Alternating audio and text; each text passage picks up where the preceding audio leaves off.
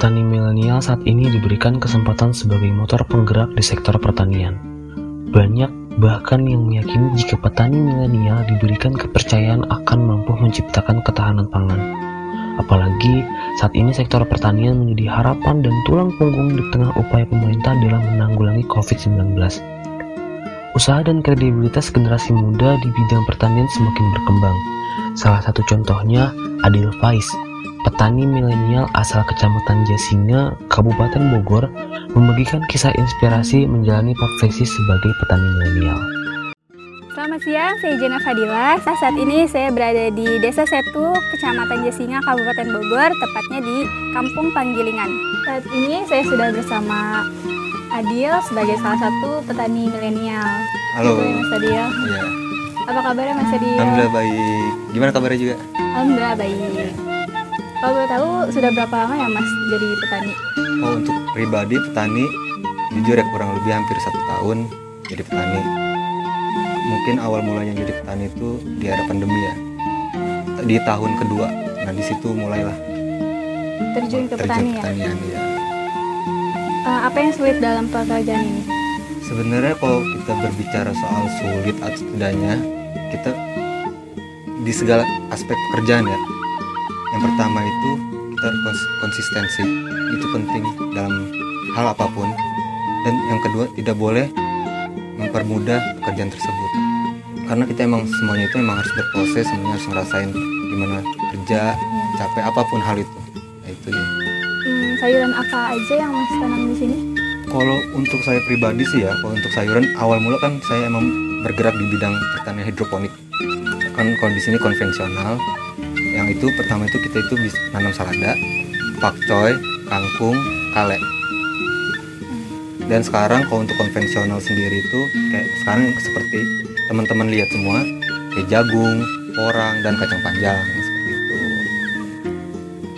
Eh, kira-kira ini luas tanahnya tuh berapa hektar ya?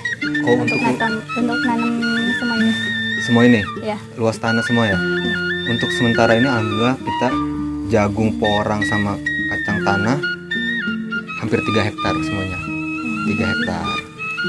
Eh, sayuran apa aja yang Mas tanam di sini? Kalau untuk di konvensional sendiri kami menanam jagung itu porang contoh kayak gini nih ya. Ini ada jagung salah satu yang udah kita panen tadi kan. Dan ini salah satu umbi-umbian porang ini. Ini yang untuk tanam sama kacang panjang kacang panjang karena belum panen sekitar sebulan lah baru bisa panen. Kalau jagung tuh berapa lama dari Kalau- tanam sampai panen? kalau misalkan kita memakai kualitas bibit yang baik dia lebih cepat bisa sampai dua bulan setengah. Cuma paling lambat itu ya sekitar tiga bulan lah. Tiga bulan Kalau Kalau porang nih?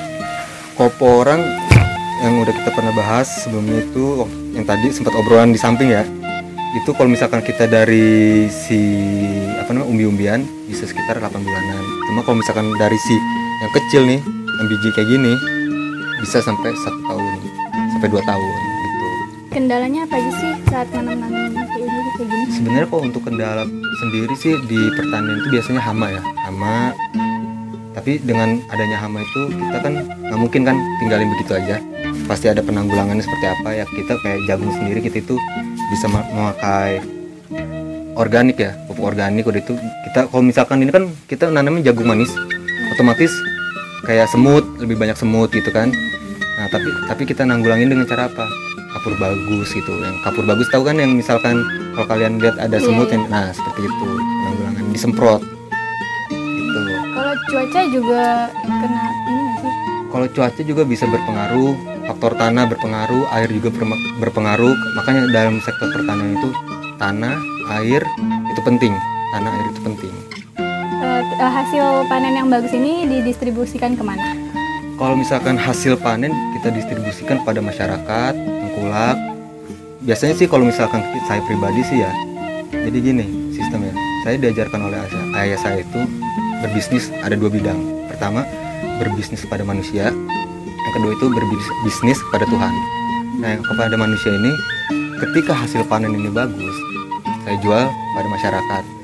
Ketika tidak laku dalam arti kasar seperti ini. Ini misalkan hasil saya nggak laku nih. Ke mana harus saya buang? Nggak mungkin saya buang begitu aja kan? Akhirnya saya bagikan ke warga sekitar. Ketika udah saya bagikan ya itu urusan saya kepada Tuhan gitu. Terus kalau yang jeleknya nih yang misal jadi yang gagal panen nih dikemanain dibuang kah atau Biasanya kalau- pupuk? biasanya kalau yang gagal panen itu biasanya kita kasihin ya ke binatang kan masih ada yang suka binatang Oh. kayak burung dan lain-lain itu masih suka Lalu gimana caranya eh, nanam ini? Susah gak? untuk penanaman sih standar ya. Semua orang juga bisa melakukan hal ini. Kembali pertanyaan kawat tadi gimana caranya yang orang menanam sayuran apa pun itu konsistensi sih sebenarnya. Yang penting dia bisa mengerti ilmunya bagaimana cara bertani memberi pupuknya seperti apa itu penting.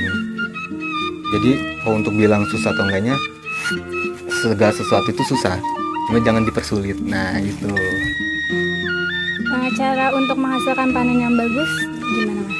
kalau untuk panen yang bagus jadi kita itu bisa melalui bibit. Kita harus memilih bibit yang terbaik karena semakin bibit itu terbaik hasil kualitas juga baik. Itu pemupukan juga jangan nanggung-nanggung kalau pupuk- memberi pupuk itu ya. Kenapa? Ibaratkan kayak kita bayi anak bayi kasih susu kasih makan kalau misalkan bayi itu nggak dikasih susu otomatis dia bakal nangis. Nah seperti itu. Tanaman juga seperti itu. Kayak ibaratkan kita ngerawat bayi lah. Gitu. Terus pemberian pupuknya itu dari jam berapa sampai jam berapa? Kalau pemberian pupuk itu bagusnya ya, bagusnya itu pagi, pagi hari itu bagus. Karena kan di mana tanaman kan akan berfotosintesis, dia kan bakal menyerap yang apa dikasih sama petani-petani itu kan di pagi hari itu. Makanya dari segi penyiraman dan lain-lain itu pagi lebih baik. Kalau boleh tahu eh, penghasilan dari ini semua berapa ya mas? Kalau untuk penghasilan sih saya tidak bisa menjelaskan terlalu spesifik kan. Karena harga pasar itu untuk pertanian kita nggak ada yang tahu kadang-kadang naik, kadang-kadang turun. Jadi nggak bisa terlalu apa namanya jelas berapa. Kadang-kadang kalau untuk kasar ya bisa sekitar dua digit, bahkan tiga digit nolnya banyak juga bisa gitu. Oke, terima kasih mas. Iya waktunya. sama-sama. Sisi lain sang ayah yang pensiun manajemen administrasi penerbangan juga kini memilih menjadi petani semenjak tahun 2020. Sang ayah memilih bertani, umbi-umbian, kacang panjang, serta jagung. Lalu bagaimana pendapat langsung dari sang ayah yang selalu mendukung anaknya yang memilih menjadi petani muda? Saat ini saya sudah bersama orang tua dari Mas Adil, itu kalau boleh tahu namanya siapa ya Pak? Faiz Murad. Nah, Pak Faiz. Kabarnya gimana Pak? Alhamdulillah baik. Kesibukannya saat ini apa? Eh, sebenarnya sih kesibukan saya dulu itu eh, sebagai karyawan pegawai Garuda selama 18 tahun. Sudah itu saya pindah ke penerbangan Batavia Air. Totalnya semuanya 21 tahun di penerbangan. Nah, jadi untuk sementara ini setelah pensiun saya memilih untuk di ya seperti kalian lihat ini di sini apa pertanian lah dikatakan ya baru pengalaman pertama saya gitu. Oke. Nah, pendapat Bapak sebagai orang tua dari Adil sebagai petani milenial gimana Pak? Eh, sebenarnya itu sangat di kalau menurut saya pribadi ya yang baru pengalaman di dalam pertanian baru hampir dua tahunan inilah eh, disayangkan dari anak-anak milenial anak-anak muda. Bisa dikatakan nggak pernah saya lihat di bidang pertanian. Sedangkan saya yang sudah berumur bisa dikatakan 50 tahun nih kita baru pindah dari eh, pekerjaan biasa normal saya itu langsung terjun ke pertanian. Saya lihat bahwa memang Indonesia ini butuh anak bangsa yang memperhatikan karena kita itu di Indonesia ini di, apalagi di Katulistiwa tanah kita itu subur menundang pertanian oleh karena itu kita itu harus memperkembangkan budaya pertanian maupun anak muda atau orang tua gitu. Apakah Bapak keberatan atau mendukung Adil sebagai petani milenial? Saya tidak pernah memiliki perasaan keberatan. Kenapa? Karena di dunia ini tidak ada yang sulit kecuali kalau kita sendiri yang mempersulitkannya. Betul. Dan juga tidak masalah yang gampang untuk memilih terjun di bidang pertanian setelah kita itu memang di bidang yang lain. Kalau menurut pribadi saya sih sukai apa yang kita kerjakan dan kerjakan apa yang kita sukai. Begitu kan? Iya. Nah, jadi kalau kita tidak bisa, kalau tidak suka dengan pertanian, nggak mungkin kita itu terpaksa. terpaksa untuk melakukannya. Nah, kebetulan mungkin anak saya Adil, uh, dia itu melihat misalnya apa melihat apa yang dilakukan oleh oleh orang tuanya dari perubahan antara langit dan bumi mungkin beliau mau coba. Saya mengharapkan sebagai orang tua ya ingin mempunyai anak lebih dari saya gitu kan. Mungkin dia itu bisa menjadi engineer pertanian atau apa pun tapi yang jelas saya tidak pernah menekan dia anak saya untuk menjadi petani kecuali kalau dia sendiri yang menginginkannya gitu ya. Tapi alhamdulillah selama ini saya lihat dari anak saya tertarik. Mulanya itu dari pertanian hidroponik. Hidroponik tan uh, tanaman air ya. Iya. nah setelah itu terjun ke uh, pertanian konvensional gitu. Nah berikutnya adiknya mengikut dan yang lainnya mengikut padahal mereka itu masih anak-anak muda lah harapan bapak untuk Adil ke depannya setiap harapan orang tua itu sama ya saya itu ingin dia itu menjadi orang yang bermanfaat di negara ini. Banyak anak-anak yang saya lihat itu menghabiskan waktu sia-sia, gitu. Padahal waktu itu harus dimanfaatkan dengan baik, gitu kan. Apalagi di pertanian kita ini bukan cuma sekedar menanam dan membibit dan mengajar mengarah. Tidak. Kita di sini itu bisa olahraga, kita itu bisa bermanfaat ilmunya dan kita bisa berkomunikasi dengan alam gitu ya. Apalagi Indonesia ini memang negara ini memang membutuhkan anak-anak bangsa yang menjaga pertanian. Itu yang diutamakan gitu ya. Bagaimana jika Adil memutuskan untuk kembali melanjutkan pendidikannya? Pendidikan itu wajib negara ini membutuhkan anak-anak muda yang dibutuhkan oleh negara ini maupun di Indonesia maupun di luar negeri gitu ya dibutuhkan Makanya jadi kalau mereka itu bisa untuk memperkembangkan ilmunya di apa yang seperti saya bilang tadi, mereka itu harus mengerjakan apa yang mereka suka dan sukai apa yang mereka kerjakan. Mungkin Adil suka, anak saya Adil itu suka kerja di bidang uh, komunikasi ya. Hmm. Nah, tapi dalam sisi lain seperti saya, saya pernah mengajarkan anak saya kalau kita melempar satu batu tidak akan mengenakan satu tiang yang jauh. Tapi kalau saya pegang 10 batu di tangan, saya lempar pasti salah satu bakalan kena. Betul kan? Betul.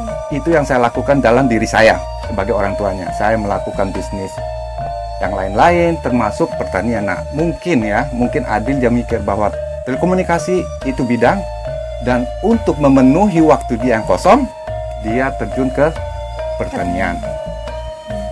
Apa pesan Bapak untuk Adil? Pesan saya itu terutama menjaga ibadah. Soalnya tanpa ibadah, tanpa sholat, semuanya itu tidak ada berkahnya gitu ya. Hmm.